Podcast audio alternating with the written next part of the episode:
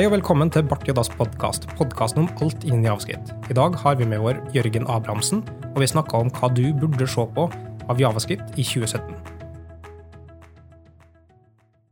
Ja, Velkommen tilbake til et nytt år. Det er 2017, den første episoden av året. Og Vi tenkte vi skulle starte med å se på hva slags teknologier eller hva slags spesifikke javascript-ting vi kan se på i, i 2017. Og vi har eh, som vanlig eh, et eh, panel her på podkasten. Og i dag har vi gjesten da Jørgen. Har du lyst til å introdusere sjøl? Ja, jeg heter da Jørgen Abrahamsen. Jeg jobber for Akando som konsulent her. Og så er jeg fagleder for Frontend. Så i dag blir det tydeligvis litt overflod av Akando-konsulenter. For vi, som vanlig så har vi med deg Kristian. Hallo. Og det, Marius. Hei. Som begge to jobber i Akando som kollega av Jørgen. Stemmer. Så jeg har tenkt at vi kunne starte på litt sånn overordna nivå her, og snakke om generelle trender som vi har sett eh, kommer ut ifra 2016. Noe av det tror jeg har vært eh, trender i 2016 òg, men jeg tror det kommer til å ta enda større fart inn i, i 2017 og bli mer, mer prominent utover. Da. Um, så en ting som, som det har vært snakk om lenge, og blir mer og mer relevant rundt det, er liksom kontekstbasert utvikling, eller kontekst, eller hvor du har ting hen. Sånn, vi får enda flere og flere enheter. Det er ikke lenger bare i nettleseren, sånn, men, og det er ikke bare lenger på mobilen, som var en stor greie. Eh, vi så i 2016 at uh, ting som eh, HoloLens og eh, Oculusen, som er oppkjøpt av Facebook, med VR, har fått et React API Um, vi også ser native-utvikling med React Native, som er eldre enn det, for så vidt. Men det å ha eh, basert på kontekst, eller kontekstvennlig og kontekstskiftende javascript, tror jeg blir mer og mer på en måte vanlig. På én side så kan det tilgjengeliggjøre eh, utviklinga på det, men kanskje det er en ting som, som uh, burde ha et lavere nivå, eh, lavere abstraksjonsnivå, eller, eller er det, er det helt greit? Altså Det senker jo definitivt terskelen for dem som allerede har kjennskap til javascript, og som ikke uh, kjenner til de språkene som må til for å utvikle på VR eller AR, eller hva det nå skulle være. Uh, så senker jeg jo den terskelen. Mm. Så Sånn sett så er jo det veldig positivt. Hva jeg hørte nå nettopp at uh, HoloLens, den dev-kitten som, som, Microsoft har utvikla, det siste, siste HoloLens de skal utvikle, for hensikten deres er å lage en plattform der du kan drive med AR-utvikling, altså augmented reality. Så, så, de skal ikke da lage hardware, men de lager plattformen, så kan andre lage, lage hardwaren til det. Det at du skal begynne å programmere VR med javascript, det er en interessant tanke i seg sjøl. Det sier brancher ut. altså Du har hardware med javascript, eh, sånn som Node.js. De har kontinuerlig integrasjon opp mot ARM, så du bygger det kontinuerlig som en del av testsuiten deres. Eh, så, så, du har javascript på, på, hardware, du har javascript på, eh, på mobil, du har javascript på altså det brer seg ut, og det blir på en måte den store plattformen som du kan nå ut til flest eh, miljø da, med. Mm. Så, så bare av nysgjerrighet, hvor havna WebAssembly oppi alt det her, egentlig? WebAssembly var det et browser-API. Mm. Uh, og i de plassene der du kjører browsere, uh, så kan det være aktuelt. Det blir jo et en compiling target, da. Mm. På mange måter. Så spørs det liksom i hvor utstrakt grad det egentlig tar av, da. Jeg tror ikke det at 2017 er året der WebAssembly virkelig tar av. I og med at eh, standarden er på tur å lande. da. Men uh, det var en ting også som jeg uh, har tenkt å snakke litt om tidligere, nei, senere, med WebAssembly. Nå så er det på, uh, i Chromium på by default, så det er påslått i, i nettleseren allerede. Så selv om spekken er under utarbeidelse, mm. så er det på en måte kommet til det punktet at det går an til å teste ut. da. Jo, men som oftest når, når, det er såpass tidlig i en, en, en, standardiseringsfase, så ja, Chrome er vel de første som alltid implementerer det, men, men så er toolinga eh, tynn og fattig. Men, men, så er du interessert i å teste eh, WebAssembly, så er du på en måte en sånn pioner som da må gjøre mye manuell arbeid. Man tror at 2017 eh, kan være året der det er aktuelt å begynne å se på fra et kompetanseperspektiv? Ja, jeg tror absolutt det er lurt å ta, orientere seg rundt hva WebAssembly er, og hva det kan bli. Eh, man ser jo det de, de største aktørene på markedet rundt eh, webutvikling. Eh, er jo med i standardiseringsarbeidet. Så det er ikke noe man trenger å, å utsette noe mye lenger enn i 2017 før man virkelig setter seg inn i å skjønne overordna konseptene. Og så kan man kanskje tenke at dette har en, en symfoni som stemmer seg inn mot 2018-2019, kanskje. Hva er WebAssembly? Altså, du lar det jo basically kompilere ja. ned til javascript. Det blir et nytt eh, compile target. Eh, et argument er også at det er eh, mindre, tar mindre plass, overføring. Eh, man skulle liksom trodd at i 2017 så er ikke overføringshastighet et problem, men man har fortsatt det som en sånn eh, som fordel. da. Um, altså mindre plass, raskere å laste.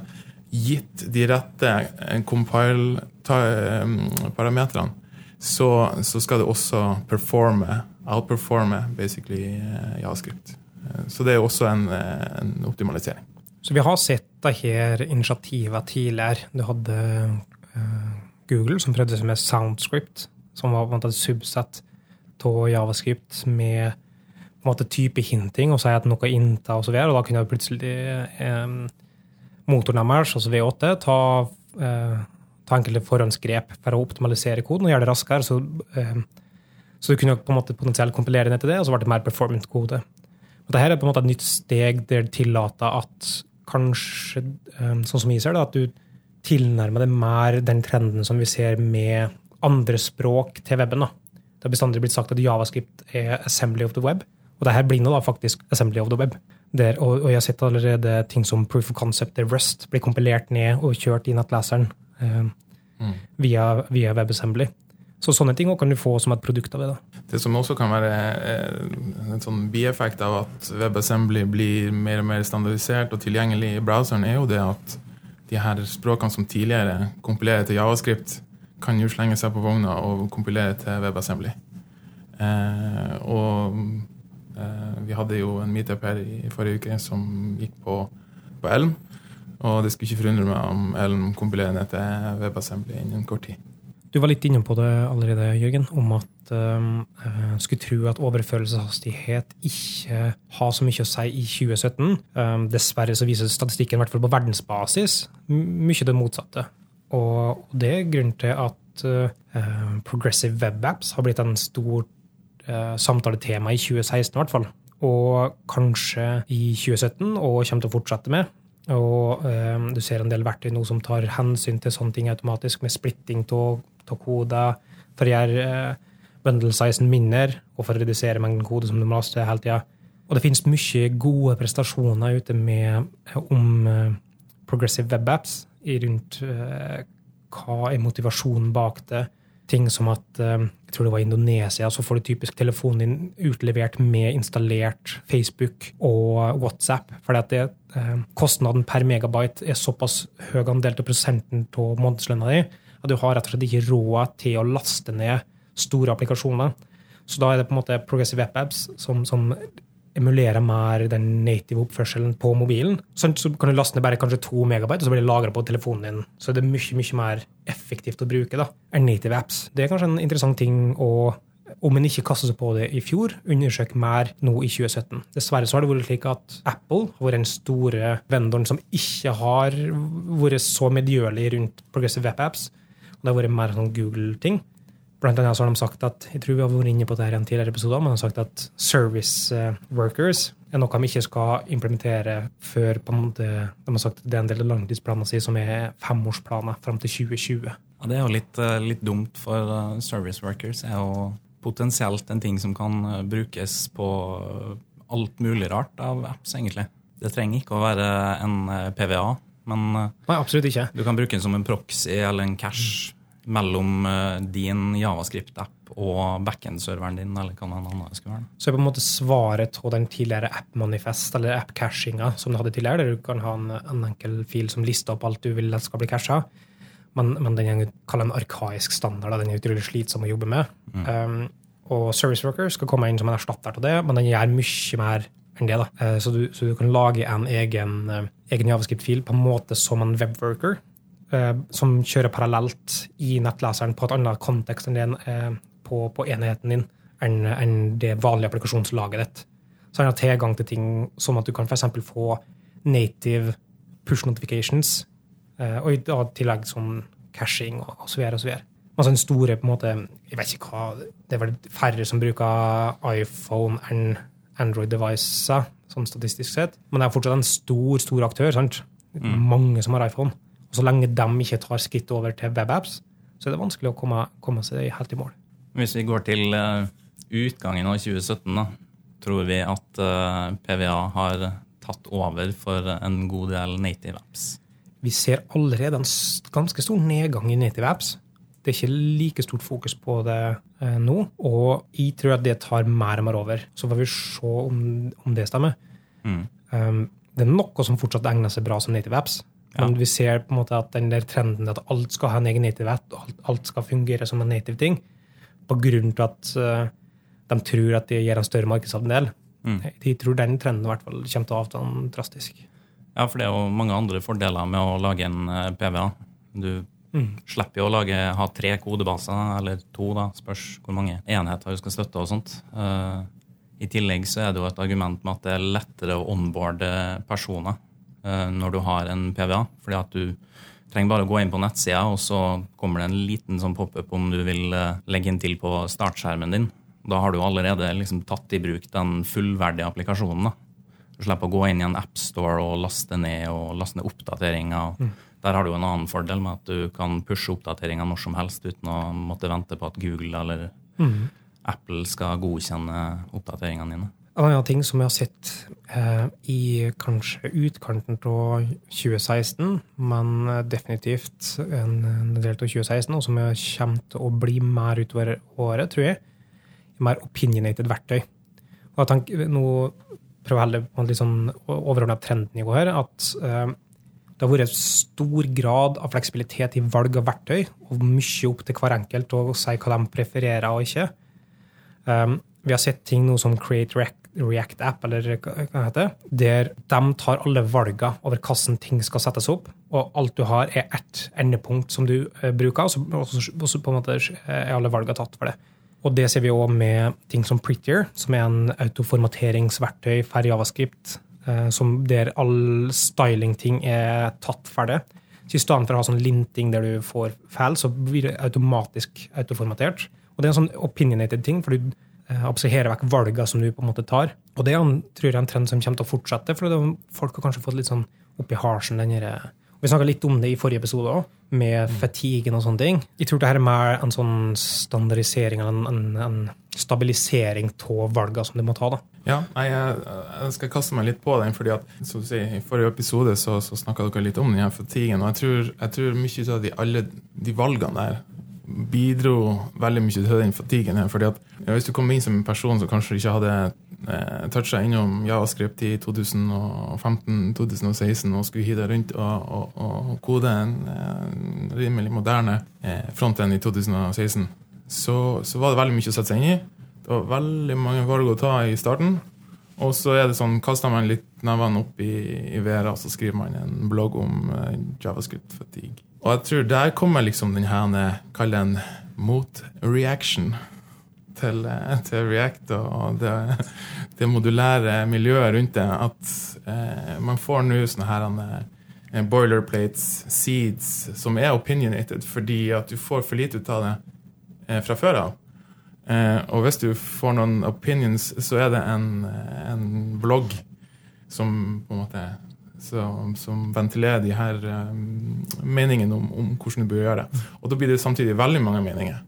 Så det at man da får de her eh, boilerplate-applikasjonene, eh, kaller seeds, eh, blueprints for hvordan du bør gjøre utviklingene dine med et spesifikt rammeverk som i utgangspunktet er, er ganske åpent, tror jeg, som du sier, vi, man blir å komme og, til å se veldig mye mer ut av.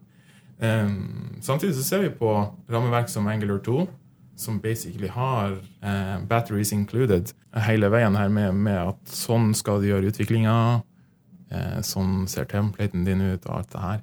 Sånn at eh, der er jo allerede Angular 2. Eh, og der har du ikke behov for annet enn kanskje seeds for forskjellige, forskjellige typer eh, verktøy som setter opp. Jeg, jeg tror du må skille mellom eh, opinionated eh, implementasjoner og bruke din arkitektur, og opinionated verktøy for oppsett av din ting. Det ene er agnostisk til hva slags implementasjon du har. Mm. Um, I er i utgangspunktet skeptisk til opinionated implementasjoner, for det tar forutsetninger om hva slags problem du skal løse. Mens opinionated verktøy tar ingen forutsetninger om det i det hele tatt. Um, men igjen så tror jeg det kan være en skyggeside med det med opinionated verktøy. For fordi at de legger inn mye, mye funksjonalitet, og det er så enkelt å få liksom, um, feature creep i de verktøyene som er opinionated. Og se på den Create React- React-app, der uh, det er mye, mye ting, mange, mange moving parts, som er langt mer bloated enn det du hadde ville satt opp sjøl. Mm. I det øyeblikket det skjer en eller annen feil med den, så sitter du der, og du har ikke peiling hvordan det skal fikses. Mm. Og det stopper opp hele utviklingsprosessen din. Ja, det er klart det er jo ikke bra å ikke ha kontroll på byggeprosessen din eller de verktøyene du bruker. Du burde nesten ha litt oversikt, i hvert fall. Det føles ut som du på en måte delegerer vekk ansvaret. da. Ja. For at du tenker at okay, det er ikke jeg som, er ikke som får ansvaret for det, noen andre har laga det. Men det, det jeg tror det handler om, er at du delegerer ikke vekk ansvar, for du, i det øyeblikket du tar det inn som en del av din byggeprosess, eller som del av din kodebase, så arver du det ansvaret. Du har delegert vekk kodejobben, men du har ikke delegert vekk ansvaret bak å ha det. Ja. Det er jo du som sitter med skjegget i postkassa når eh, ting brekker. Så det handler om, om tror jeg, å ha eh, evnen til å eh, enkelt komme seg ut av situasjonen. da. Ja. Men vi må jo også passe oss for at det ikke blir for mange sånne her opinionated eh, verktøy og sånn. Det er jo sikkert ikke alle som er enig i den uh, prettier-standarden, eller hva man skal kalle det. Det er jo én fyr som har funnet på eh, alt av Ja. regler der. Jeg, jeg I det øyeblikket det er snakk om at de kanskje skal begynne å ikke ha semikolon, Ja. i det øyeblikket det skjer, så hopper jeg av toget og ikke vil eh, ta tak i det. Og da lager du en fork. Ja, det blir en som fork. heter prettier et eller annet. Prettier, prettier, kaller jeg det. Og det her er det gående. Ja. Og sånn er det med boilerplates, som er i form av et uh, GitHub repository. Det begynner med et enkelt oppsett med på en måte, veldig sånn kom i gang-mentalitet. Og så er det noen som bygger på alle de her fancy verktøyene med testoppsett, eh, integrasjonstester, you name it. Og så har du plutselig et superblåta utgangspunkt som ingen forstår helt hva gjør. Men det er et core konsept der som de får til å bruke. Men alt annet de drar med seg, som vi snakka om, som de da pådrar seg ansvar med, det har de ingen relasjon til. Det har jeg prøvd å uh, sagt i flere anledninger på forskjellige presentasjoner og slike ting, rundt at boilerplates, i det øyeblikket du starter med en boilerplate, så har du arva mye allerede teknisk gjeld til andre utviklere andre valg som de har gjort. Og det er nest tilnærma Det er ganske sjeldent da at du fjerner ting fra en kodebase. Det er mye vanskeligere å fjerne noe enn å legge til noe. sant? Og hvis du allerede starter med et bloated system, eller liksom fullt av bloatware, ting du egentlig ikke har behov for, så lover ikke det bra for resten av prosjektet. Ja, det er i alle fall vanskelig å fjerne noe som du ikke vet hva er for noe. Og du ser liksom at når du kjører noen av skriptene, så spinner det av gårde, men det gjør egentlig ikke noe. Så, men du, du, er redd for å fjerne, for det driver jo faktisk å kjøre når du driver og, og kompilerer frontenden din.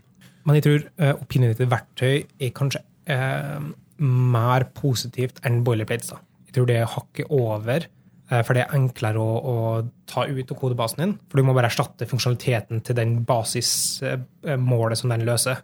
Um, så det er ikke, det er ikke fletta eller braided inn i din løsning. Det bare ligger på en måte litt utafor. Ja, men jeg tror også det at, at man har kan du kalle eh, prosjekt boilerplate, som også involverer faktisk hvilke verktøy du skal ha med deg. Men, eh, men det, jeg tror det finnes både òg. Mm. Jeg hadde egentlig lyst til å spørre deg om, om eh, hva du tenkte om det her. Du hadde jo, en, du hadde jo tidligere en talk eh, Mikael, om det her med hva tid du skulle toole opp prosjektet ditt. Mhm. I 2017. Mener du det fortsatt? Tenker du på den um, med scaling eh, build systems eh, talk, eller? Ja. Uh, ja, altså, i meg da at Så, så det jeg skrev om, det var faktisk første episode av Bartidas podkast, så snakka jeg om det tilsvarende. Det er en strategi til å trappe opp abstraksjonsnivå. Så starte på det laveste abstraksjonsnivået og gå opp. Og det, det tror jeg på senest for 14 dager siden. Så kom inn en kodebase som jeg skrev for eh, to år siden, eller ja, satt opp for to år siden. Um, og den brukte da Browserify, gikk over til Webpack, og det tok én time å ta den overføringa.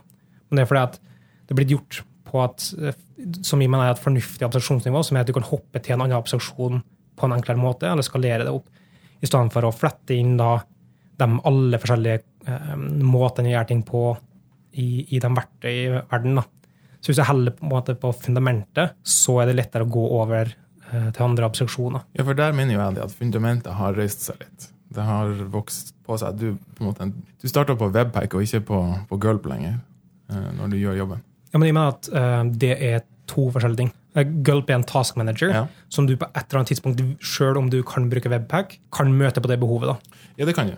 Men, Men- før så gjorde du bare den concatenatinga, og Mhm. liksom basically du satte i gang noen andre jobber. Nå Det som ligger til grunn for den uh, presentasjonen, er, eller den bloggposta egentlig, mm. som starta med, uh, er tankesettet med hvordan du angriper sånne problem.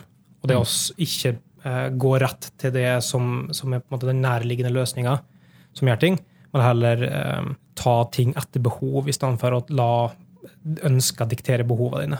Og det mener jeg fortsatt uh. Og om du bruker på en måte verktøy av webpack, eller om du bruker gulp, det er litt likegyldig. Fordelen på en måte gulp kan ha, er at du kan ta skrittet fra vanlig vanlige Node eh, JS-filer til scripts som, som den kan eh, håndtere eller orkestrere ferdig, er mye, mye kortere. da. Det siste overordna nivået, eller overordnet trenden som vi har sett, og som jeg tror kommer til å, um, fortsette i aller høyeste grad utover 2017, som, som er verdt å kanskje eh, tenke litt over, er det med eh, transpilerte språk, eller typed javascript. Vi har sett det vi diskuterte litt, med eh, TypeScript, Flow og kanskje helt om til Elm, som vi snakka om eh, litt. Det er nok kanskje noe som kommer til å fortsette mer. Du kanskje har noen tanker om, om det? Jeg så en, eh, så en talk av eh, en fyr som heter Jafar Hussein her en dag. Det heter vel noe sånn om, eh, som eh, The Future of Javascript eller noe sånt. Han fikk tidligere spurt eh, akkurat det samme spørsmålet. Han svarte at eh, vi kommer aldri til å bli kvitt eh, transpilerte språk. Det var hans svar. Og han sitter jo da i den TC39-komiteen og Altså den komiteen som utvikler språket javascript, da. Eller ECMAScript, som er standarden til javascript. Ja, så det sier jo litt at eh, en fyr som sitter der, mener at vi ikke blir kvitt dem. da. Men eh, ES5 til ES6, det var jo et ganske stort hopp. Og der var det masse folk som vil bruke de nye fancy featurene. ikke sant? Eh, mens kommende ES7 og 8 og E ES2017 2016, 2017. ja, ja. ja. De ordentlige navnene der. Eh, når de kommer, så kommer det jo ikke til å bli så store omveltninger. Så Men ok, det er én ting. Det, det, I den, den, den situasjonen lever vi i. Jeg har et par tanker om at eh, i enkelte situasjoner der du kontrollerer eh, ende, mm, altså målet ditt, nettleser og sånn, så er det ikke sikkert du trenger det nå. mm. til dags her. Men eh, jeg tenker òg i skritt som er utafor den standarden, altså type TypeScript og Flow og sånne ting, som er å få inn typer til avskrift. Mm. Um, er det noe som alle burde kaste seg, kaste seg på? Tror det kommer litt an på prosjektet ditt, men hvis du har et uh, større prosjekt der du skal jobbe sammen med flere andre utviklere, så syns jeg at uh, et transpilert språk som TypeScript og sikkert også Flow uh, gagner prosjektet som helhet. Da. Det er lettere å få inn nye utviklere. De kan skjønne litt mer av koden bare med å se på den, og ikke bruke dagevis på å leite rundt i koden for å skjønne hva det er som egentlig skjer. da.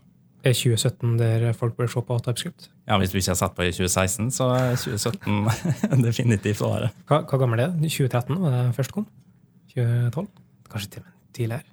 Det er gammelt i hvert fall. Ja, det, det er et par år gammelt. Ja. Jeg er ikke sikker på når det kom. Men eh, det begynner å bli ganske Modent, modent. ja. Det er mange som bruker det. Ja. Særlig innenfor Angular 2-verden, der, det- der det er anbefalt, egentlig.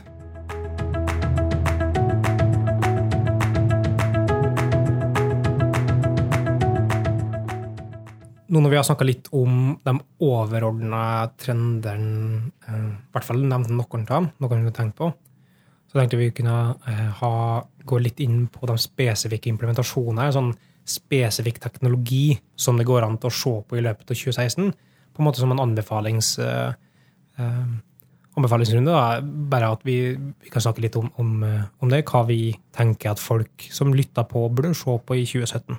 En ting som, en ting som jeg har sett oppnådd ganske mye popularitet nå sånn spesifikt eh, innenfor rammeverkverden, uten at eh, uten at jeg egentlig har sett på det i en stor grad, men jeg ser mange som på en måte er blitt fan. Er det liksom det er View Nei, View. Vue. Ja, men det, det der er jo egentlig litt spennende, for at, for at i 2016 så var det på en måte React og Angler mm. i hovedsak som var de store kjempene uh, i- på rammeverksfronten, på frontenden. Uh, og så kommer jo nå da Vue, eller Vue, helt etter hva du velger å uttale det som. Jeg tror det er nå en fase der det er en slags opposisjonsgreie, der du skal se litt på det for et alternativt, og så kommer det til å stabilisere seg, og så se ok, det er en del negativitet med det her, og uansett, og så, og så videre. Jeg tenker jo, egentlig så har jeg prøvd å spådd at den her rammeverkkrigen er over, da. Tror ikke det kommer til å bli en sånn derre lidenskapelig opplegg som det har vært fra eh, 2010 til 2015. Folk bruker det folk bruker, og så er det ikke noe særlig sånn krig mellom det, sånn som det har vært. Men, men Vue er jo laga av én person? I hvert fall Evan Yu. Jobba tidligere på Meteor. Mm. Uh, Utvikla Vue på egen hånd. Og så vidt jeg leste i dag, så er eh, en backa på Patron av 72 mennesker som finansierer lønna hans for å jobbe videre på det. Og det er jo litt spennende. Ja, og der er jo noen store asiatiske firmaer som, som bruker Vue. Um, så Det er vel Alibaba? eller Ja, blant annet. Ja. Uh, jeg var sånn kjapt innom og, og så på plugins og, og contributions, og der er veldig mye som er skrevet i et tegnsett som ikke jeg skjønner noe av. Ut jeg har fått det. Ja, med de her bokstavene som ikke okay. er en del av tastaturet mitt. Men eh, er det, er det en ting å se på? Altså nye rammeverk, er det aktuelt? Burde vi utforske det? Altså Først burde det kanskje Nå skal jeg innrømme at jeg har ikke lest meg så alvorlig opp på Vue. det Men, men, men, men det, det burde jo ha et definert hull som det tetter, da, som ikke React eller Mm. Angler klarer å fylle. Det har jo dukka opp en del rammeverk som er inspirert av både React og, og andre konkurrerende rammeverk, som på en måte prøver liksom å være mer, mer performant. Du har alternativer som Inferno og Preact, som er kanskje de to store. Nå er nå Inferno eh, Det har han skrevet av en person. Han er nå hyra inn, så han jobber nå på React-teamet nå. Mm. Ok, Hva skjer med Inferno, da? Ja, Det gjenstår å se. Men, men eh, folk har vel uttalt, eller en del av dem eh, React-teamet har uttalt at Inferno er React sånn som de skulle ønske de hadde skrevet hvis de hadde visst at de skulle skrive nå. på en måte. Hvis de skulle skrevet det nå med den kunnskapen som de har, så hadde de gjort det med Inferno. Men det bringer meg egentlig naturlig over på en annen ting som jeg tror kan være verdt å se på. eh, hvis du er liksom i den React-leiren, er at eh, React kommer med en ny arkitektur. Uh, Overflata vil ikke endre seg, men det er da som heter Fiber, som er en reimplementasjon av måten det er gjort. Du får på en måte prioriteringskøer av forskjellige komponenter og forskjellige scheduling som gjør at noe får høyere presedens enn andre, og vil bli mye mer performant enn det det er nå. da. Eh, Og det kommer med, De har lansert at det skal være i React 16, så det blir en breaking change på det. En annen ting som er interessant der, er at i React 15.5 som kommer, så eh, deprecater de alt annet enn funksjoner og klasser. Så betyr at API deres ikke lenger har en create class som er en ES5-implementasjon av liksom klassegreier. Så sier at du kan ikke bruke tilstandsfulle komponenter i React uten transpilering. Uten ekstra bibliotek. Og det gjør de delvis pga. det vi har vært innom tidligere, med å redusere bundle sizen. Og med den informasjonen så mener du da at React er noe å fortsette å se på i 2017? Jeg tror det. Og eh, færre folk som er, altså, som er investert i React på en eller annen måte, eh, begynner å se på det allerede nå. Hva slags eh, steg som blir tatt der. Og se at det er en del ting som kommer til å bli deprecata, som kanskje kan endre på, endre på til, for å være preemptiv. Det er noe av poenget å se på avarter av React da, som Inferno eller Preact. Eller mister du ikke alt av økosystemet rundt og For det er helse på samme API-nivå, så det er samme API-overflate. Altså, du kan bruke React uh, nesten tilnærma. i tur, egentlig uten, eh, uten eh, um, å være 100 sikker, så mener jeg at du kan fint bytte ut fra React til Preact, for eksempel, uten, å, uten å endre den på din eksisterende kode. Ja, ok, Så, så React-plugins, type form-plugins, eller hva det måtte være, det kan du liksom plugge rett inn i Inferno? Mm, for det har samme API. Ja. Så lenge de forholder seg til public API, og ikke bruker intern API, så, så vil det funke. Ja. Da er jo faktisk det et alternativ det går an å vurdere, da. Men Mm. React har jo definitivt det største communityet og beste dokumentasjonen, så En annen som er interessant med den Fiber-greia, er at du ser litt om den styrka som, som Facebook kan ha med å ha verdens mest populære nettside. Jeg antar Facebook er verdens mest populære, for de har sånn 1,3 milliarder brukere. Så jeg har ikke noe statistisk grunnlag for det, men jeg vil tro det. At de har tatt og laga beta.facebook.com, der de har tatt i bruk React sin Fiber-implementasjon, og får da communityet til å teste ut via den, og har en egen side. Så de har, har det ute i, eh, på Facebook. Og det er noe sånn ganske kraftig testament til eh, hva mye de satser på React, i hvert fall. Mm. Er det noen andre teknologier vi tenker at eh, folk burde se på i, i 2017? Skjer det noe spennende i Angular-verden, Kristian? I 2017? Kommer Angular 3? Uh, nei, ikke Angular 3. Angular 4? Angular 4 kommer. Ja, stemmer. Det har jo De faktisk skipper, skipper treeren. Mm. Fireren er vel schedula i mars, tror jeg. For de har jo gått over på Sandberg, så nå kommer det til å komme store major-versjoner Hvert halvår, var ikke det de sa? ja, hvert halvår. Mm. Uh, og med store så mener jeg egentlig bare tallet. Fordi det kommer ikke til å være så stor forskjell at du Major Ja. release, liksom. Ja. Så det vil ikke brekke alle appene dine, nødvendigvis, men det kan inneholde breaking changes. da. Så der, der kommer det til å komme nye versjoner, men, eh, og communityet kommer sikkert til å bare vokse, og det kommer til å komme flere og flere eh, plugins. De jobber jo hardt med material design-pluginen sin, blant annet. Så den kommer nok til å komme på plass etter hvert. da. Nå er den, jo, den er jo brukbar nå, men den er jo ikke fullstendig. da. Innenfor uh, Angler-verden så er det kanskje en ting som hvis du ikke har sett på ennå, eh, så kan det være verdt å se på.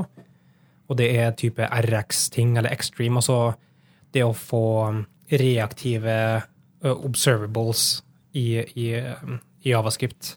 Der du kan behandle, du kan behandle eventer som, som liste over tid. Da. Eller elementer over tid. Så du kan behandle dem til å mappe, filtrere og slå sammen osv. Så, videre. så abstrahere vekk tid på det. Mm. Det er noe som har vært en stund. RX finnes på mange forskjellige plattformer. Det er dypt integrert i, i Netflix sin kodebase, både på Java og frontend-sida. Men, men jeg tror at med Angler nå, som har gjort kanskje RX langt mer i mainstreamen, Mm. og det finnes andre som også er med på det, så kan det være verdt å se på det patternet som noe som fungerer bra i tilfeller der du har eh, mange asynkrone eh, hendelser som du må synkronisere eller håndtere på en spesifikk måte. Mm. Og det er uansett et pattern som kanskje er verdt å se på. Og da RX JS eller Extreme som er et alternativ, eller Bacon JS, som, som, jeg, har, eh, som jeg liker godt. Ja. ja, det er jo kanskje RX som er den største av dem, sånn, hvis du måler mm. på alle språkene det finnes på. i hvert fall. Det har jo eksistert i mange år, men har jo da kommet i en ny versjon da, samtidig som Angler 2, egentlig. Så noe som i utgangspunktet championer fram eh, fra, eh, fra Microsoft-verdenen. da. Ja.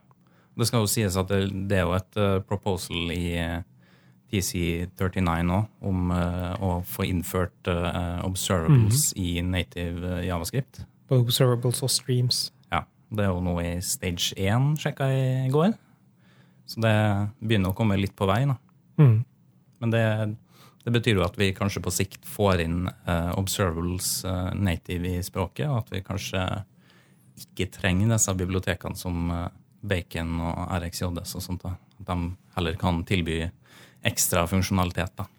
Litt eh, nært beslekt, beslekta med så er jo funksjonell programmering. Tror vi at det kommer til å Funksjonell programmering er i aller høyeste grad på en måte som paradigme etablert i frontend-verden.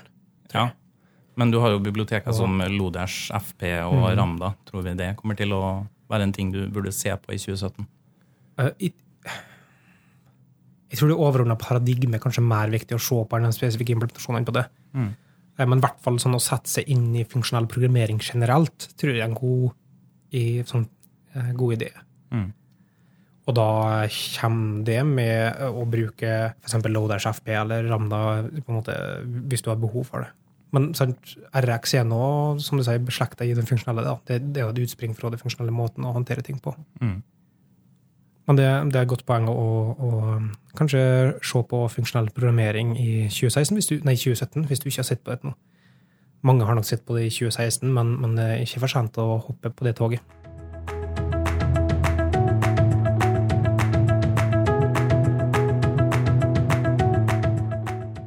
Sånn i verktøy, som er på en måte den eh, kanskje siste store å, å gjøre.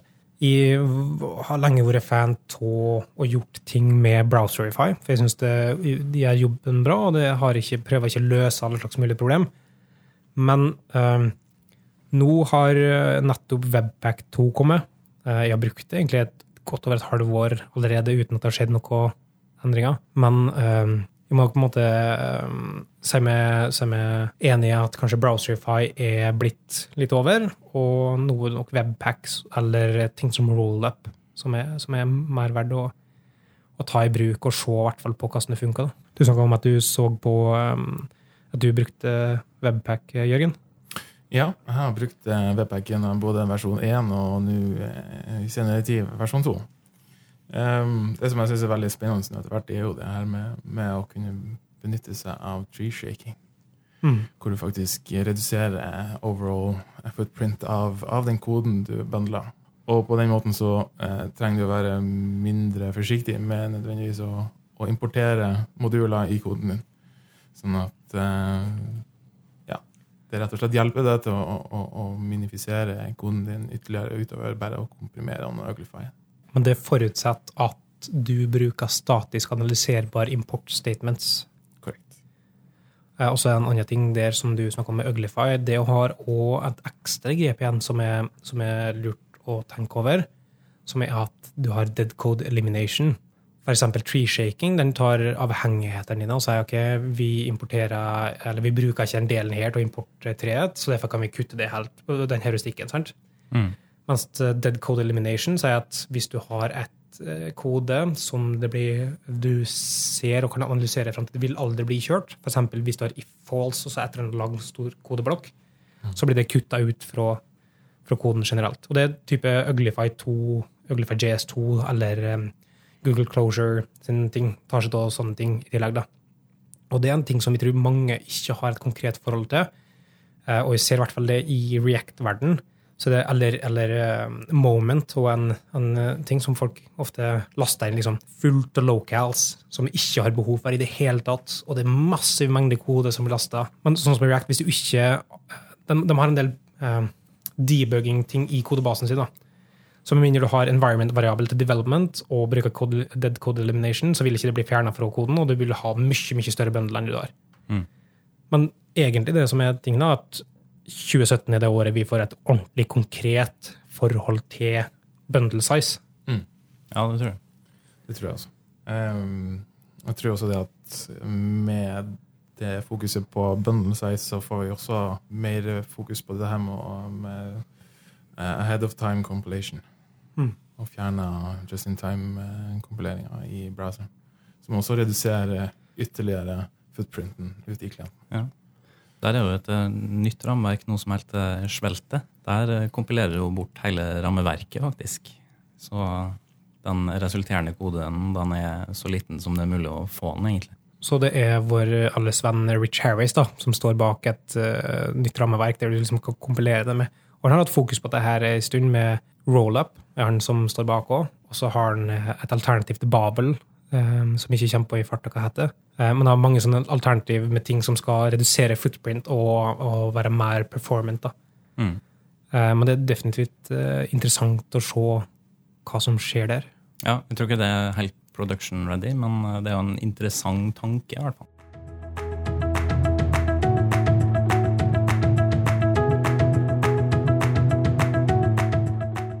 Jeg tror det er for å være det for hva folk burde se på, eller liksom samtaler rundt hva vi tror 2017 vil bringe for, for Javascript. Um, vi har innført at hver episode så har vi noen anbefalinger rundt bordet til hva folk burde se på. Nå har vi nå hatt det egentlig gjennom hele episoden, på en måte.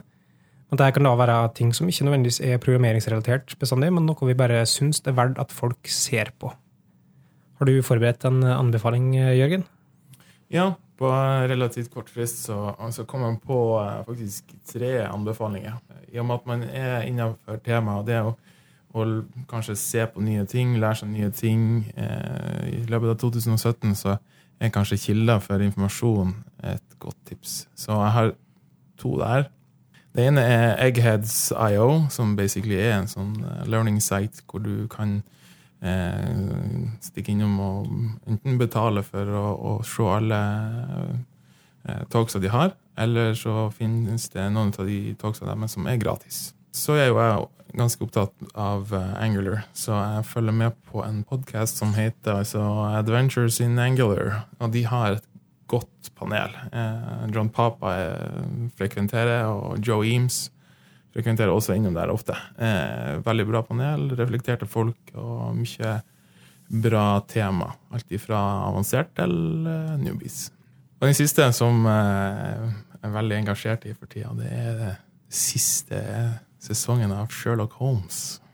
Kristian, har du noen anbefalinger til oss? Ja, eh, siden vi allerede har tatt opp Eriks Joddes, denne podkasten så tenkte jeg at de skulle anbefale en læringsressurs rundt det. Og det er rett og slett ei side som heter learnrxjds.io. Der har de prøvd å tatt en litt mer sånn folkelig introduksjon til RxJS og operatorene og har litt bedre eksempler enn, så, sånt, enn den offisielle eh, Doc-sida har. I tillegg så er det litt sånn ekstralinker der, bl.a. til egghead.io, der det finnes eh, veldig mange gode videoer og serier rundt eh, RxJS og alt mulig annet, egentlig. Og min andre anbefaling det er også om uh, RX Joddestad. Det er den her Redux Observable som vi snakka om tidligere. Den finnes på reduxobservable.js.org. Det er et domene som har blitt mer og mer populært. da, ja. å hoste ting på det. Mm. Så ta en, ta en, kikk på de to tingene. Marius, eh, noen anbefalinger fra de side?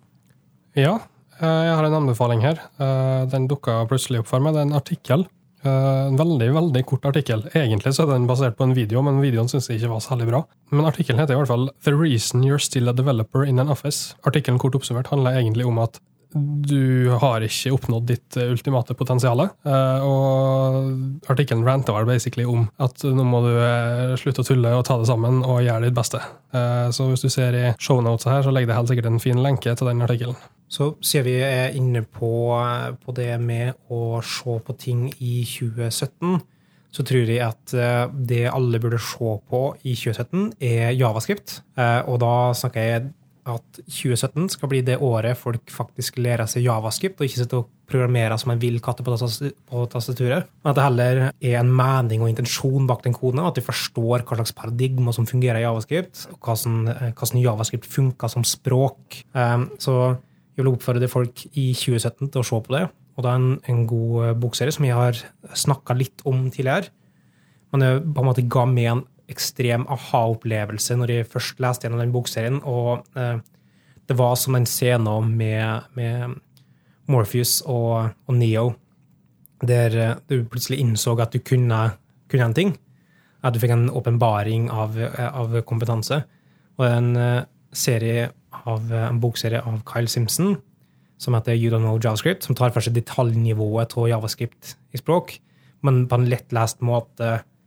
Sånn at eh, når du går gjennom det Den er kanskje litt for, for eh, dem som er interessert i å lære det på, på ordentlig måte, men gjennom å lese den serien, så, så vil det være Sitte igjen med mye utbytte av å lese det.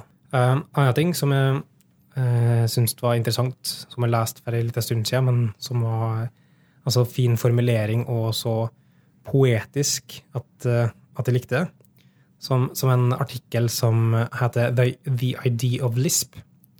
Tror at generelt det å se på andre språk enn javascript i tillegg på en måte kan forbedre måten du skriver javascript på. Og det å se på, på andre språk. Den artikkelen tar for seg på en måte hva, hva som var tingen med, med, med Lisp. Og, og var sånn eh, den poetiske strofa som jeg snakka om at før Lisp så var det, var det bare ett annet stort programmeringsspråk, eh, et sånn høyere nivås programmeringsspråk, og det var Fortran. Og det, um, så det, det tok 18 årsverk å utvikle det. Og det var en stor, stor uh, achievement, det var en stor greie å få til. Mens Lisp var en stor idé. For at i motsetning til sånne ting som Fortran, som er mye årsverk å, å generere, og sånne ting, så var det bygd på en enkel idé og fire funksjoner eller fem funksjoner som jo utgjorde hele språket, og du kunne lage ting ut ifra det eh, enkle måten. Og, og, det er en sånn fin tanke, føler jeg, om at eh, med dynamiske og fine byggeklosser som er versatile, eller som er anvendelige på forskjellige måter, så får du til ganske mye ut ifra det. Hvis eh, noen har spørsmål eh, til det, Jørgen, har du en plass vi kan kontakte deg på? Ja, det definitivt enkleste vil jo være Twitter. Jeg har et uh, Twitter-handle som heter Jordabra. Har du Instagram-konto? Ja, det har jeg faktisk. Samme brukernavnet der. Ok, så bra. Hvis folk har lyst til å kontakte deg, Kristian, Da kan de nå med på Twitter på brukeren at Larifax. med to eller eh, tre x-er på slutten Én x. En X på slutten. Marius?